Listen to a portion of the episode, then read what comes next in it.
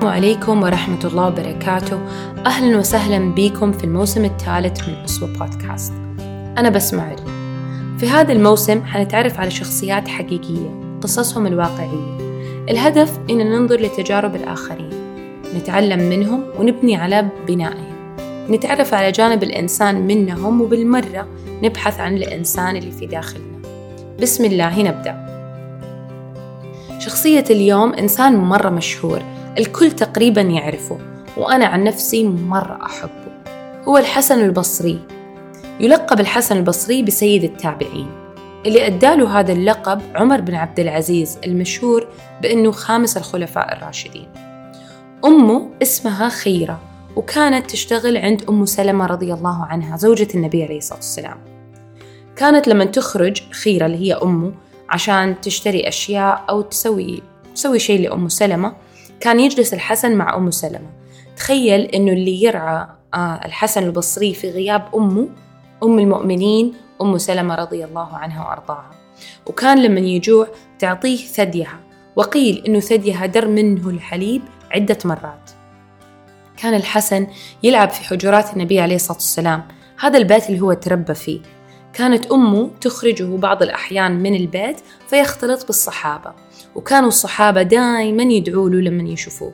زي عمر رضي الله عنه كان دائما يقول اللهم فقهه في الدين وحببه للناس. تربى في بيت آه، آه، تربى في بيت النبي عليه الصلاة والسلام زي ما قلت لكم اللي هو بيت آه، أم سلمة. وكان في نفس الوقت يتربى بين الصحابة يعني يطلع يتمشى يقعد يتكلم مع الصحابة زي عثمان بن عفان طلحة بن عبيد الله وابن عباس وأنس بن مالك. كبر وصار مولى عند زيد بن ثابت. طبعا زيد بن ثابت صحابي عظيم كبير كان من كتبة الوحي في زمن النبي عليه الصلاة والسلام. وهو اللي قاد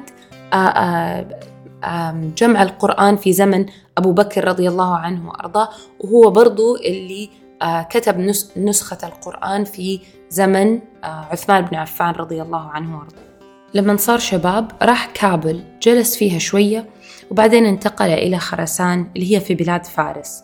جلس برضو فترة في خراسان وآخر شيء راح البصرة اللي هي كانت العاصمة في ذاك الوقت.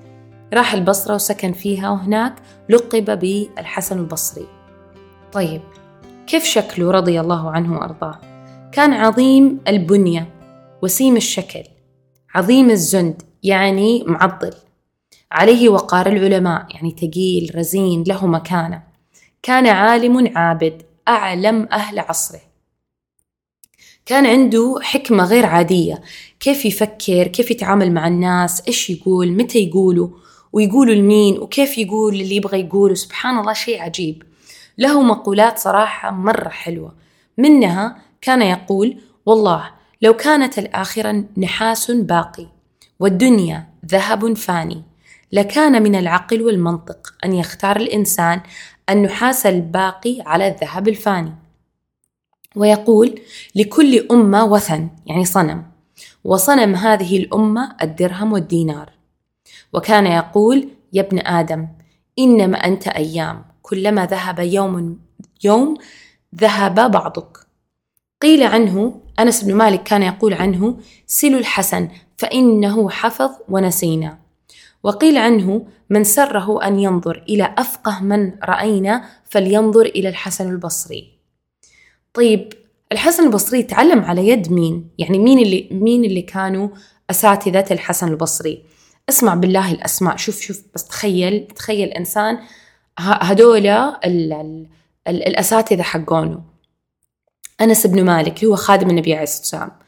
عبد الله بن عباس رضي الله عنه عبد الله بن عمر عبد الله بن عمرو بن العاص آه، أبو هريرة الزبير بن العوام عقيل بن أبي طالب علي بن أبي طالب عمار بن ياسر وطبعا طبعا أمه.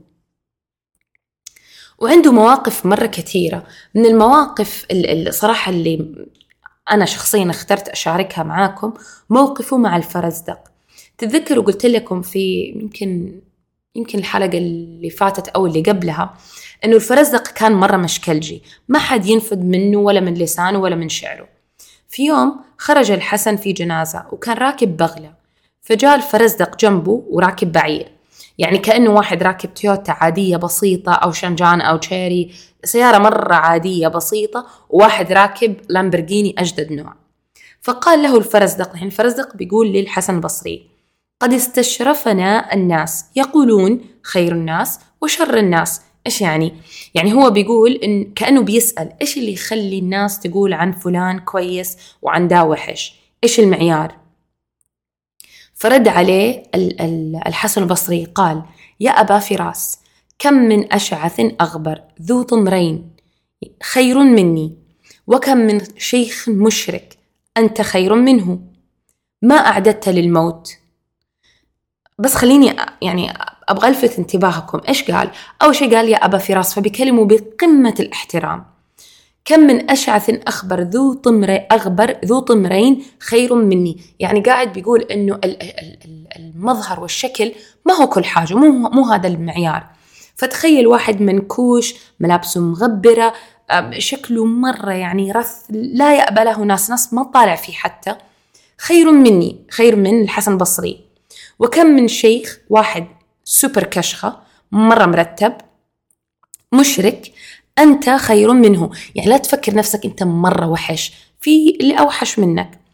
ثم قال له ما أعددت للموت. فالحسن البصري بيسأل بيسأل الفرزدق ماذا أعددت للموت؟ فقال رد عليه شهادة أن لا إله إلا الله. فقال الحسن إن معها شروطا. فإياك وقذف المحصنة قال الحين الفرزدق بيرد عليه هل من توبة؟ فقال نعم آخر نقطة هذه إيش إيش إيش اللي بيحاول يقوله؟ لما الحسن سأل الفرزدق قال له ماذا أعددت للموت؟ الفرزدق كأنه بيقول له أنا معدوم حالتي حالة ما عندي إلا شهادة أن لا إله إلا الله بس هذا اللي أنا عندي إياه فقال له الحسن ما قال له يعني ما يكفي ولا قال له لا قال له إنه تجي معاها شروط. ومن سبحان الله يعني من حكمة الحسن البصري if there's one thing شيء واحد يبغى يعطيه نصيحة للفرزدق إيش حيكون؟ قلت لكم الفرزدق لسانه متبري منه. وتخصصه إنه يبدأ يحش الناس ويتكلم في أعراض الناس ويجيب العيد بيسكلي فقام قال له إياك وقذف المحصنة. هذه كأنه كأنه هي من الكبائر اللي كان يعني كانت لعبة الفرزدق. فقال إياك وقذف المحصنة. فقام قال له الفرزدق هل من توبة؟ يعني لو أبغى توب ينفع أتوب؟ فقال له نعم. حتقول لي طب إيش يعني ما فهمت؟ موقف مرة عادي. يعني إيش ما هو موقف مرة فظيع. حقول لك لا لأنه الموقف طالع من الفرزدق. الحسن عنده قدرة غير عادية إنه ينصح. يعني الفرزدق البني آدم يبغى يبعد عنه قدر المستطاع. وإذا حنصحه حنصحه بأقل حاجة عشان لا أجيب لنفسي الكلام. ف the fact that الحسن البصري نصح الفرزدق والفرزدق سمع منه ورد عليه. يعني في an actual حوار قاعد يصير بين الحسن البصري والفرزدق. وإنه الفرزدق سأل قال هل من توبة؟ معناته النصيحة يعني جات بفائده سبحان الله. فقال له الحسن نعم. وفي كمان قصة للحسن البصري مع جاره المجوسي. كان عنده جار مجوس جار مجوسي ويحكي الحسن البصري هو يحكي الحكاية بنفسه. فيقول دخلت على بعض المجوس وهو يجود بنفسه عند الموت. يعني يعني هذا جاره كان خلاص قاعد يموت. وكان حسن الجوار وحسن السيرة حسن الأخلاق. هذا الإنسان المجوسي مرة أخلاقه طيبة مرة يعني إنسان مرة رهيب. يقول حسن البصري فرجوت أن الله يوفقه عند الموت ويميته على الإسلام. الحسن البصري جوا نفسه يقول أف ده لو يسلم يا ريت بس يسلم. فقلت له الحسن البصري بيحكي بيقول لما رحت أزوره قلت له ما تجد وكيف حالك؟ فقال اسمع إيش قال المجوسي؟ قال لي قلب عليل ولا صحة لي. وبدن سقيم ولا قوة لي وقبر موحش ولا أنيس لي وسفر بعيد ولا زاد لي وصراط دقيق ولا جواز لي ونار حامية ولا بدن لي وجنة عالية ولا نصيب لي ورب عادل ولا حجة لي. فقال الحسن رجوت رجوت الله أن يوفقه فأقبلت عليه وقلت له لما لا تسلم حتى تسلم؟ يعني أتخيل بني آدم يقول كلام زي كذا كأنه هو عارف عارف إيش المفروض يسوي سبحان الله. فقال الحسن البصري بيقول له لما لا تسلم حتى تسلم؟ فقال إن, إن المفتاح بيد الفتاح والقفل ها هنا. وأشار إلى صدره ثم أغشي عليه. يعني أشر على يده قال القفل القرار في قلبي. سبحان الله غريب. وبعدين أغمى عليه. فقال الحسن فقلت إلهي وسيدي ومولاي كذا أخذ أخذ زاوية وصار يدعي. إن كان سبق لهذا المجوسي عندك حسنة فعجل بها إليه قبل فراق روحه من الدنيا وانقطاع الأمل. فصحي المجوسي من من من غيبوبته أو من من الإغماء اللي اللي أغمى عليها. وفتح عينه ثم أقبل وقال يا شيخ. بيكلم بيكلم الحسن البصري. قال له يا شيخ إن الفتاح أرسل المفتاح.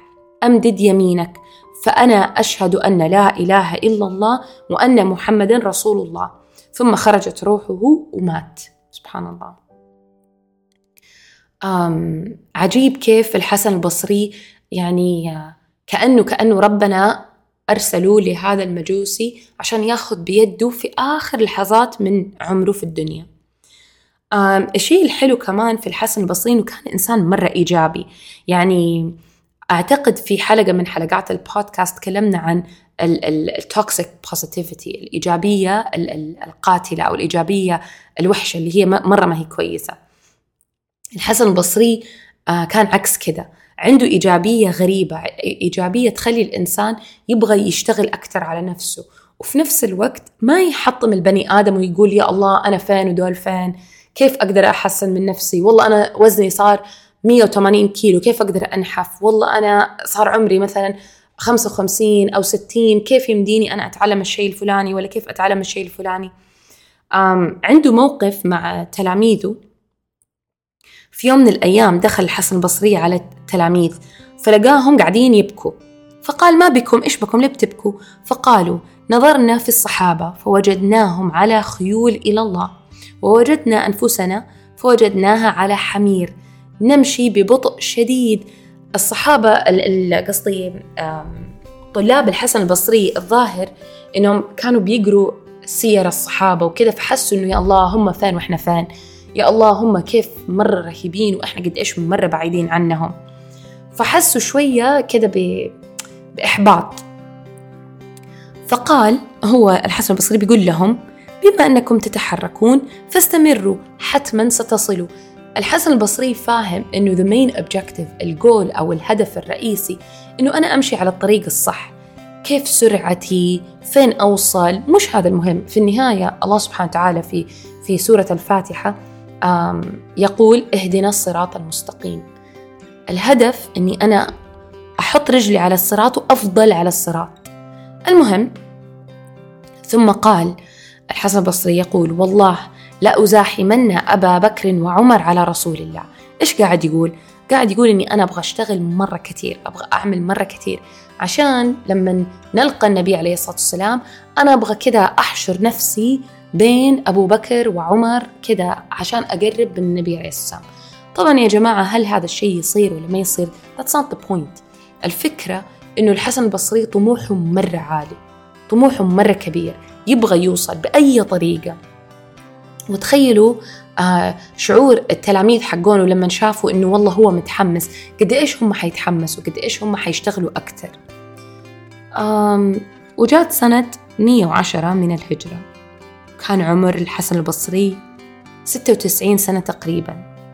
كان يوم جمعة. واجتمع الناس وهو مريض اجتمعوا عليه الناس وهو مريض يبغوا يحاولوا يطببوه فما استطاعوا. مكث فترة بسيطة كم يوم ومات رضي الله عنه وأرضاه يوم الجمعة.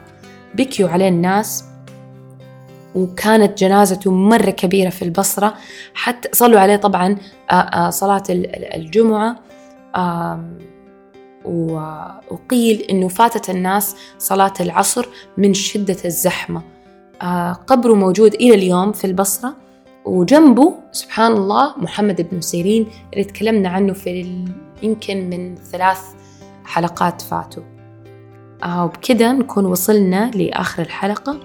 سبحانك اللهم بحمدك أشهد أن لا إله إلا أنت نستغفرك ونتوب إليك.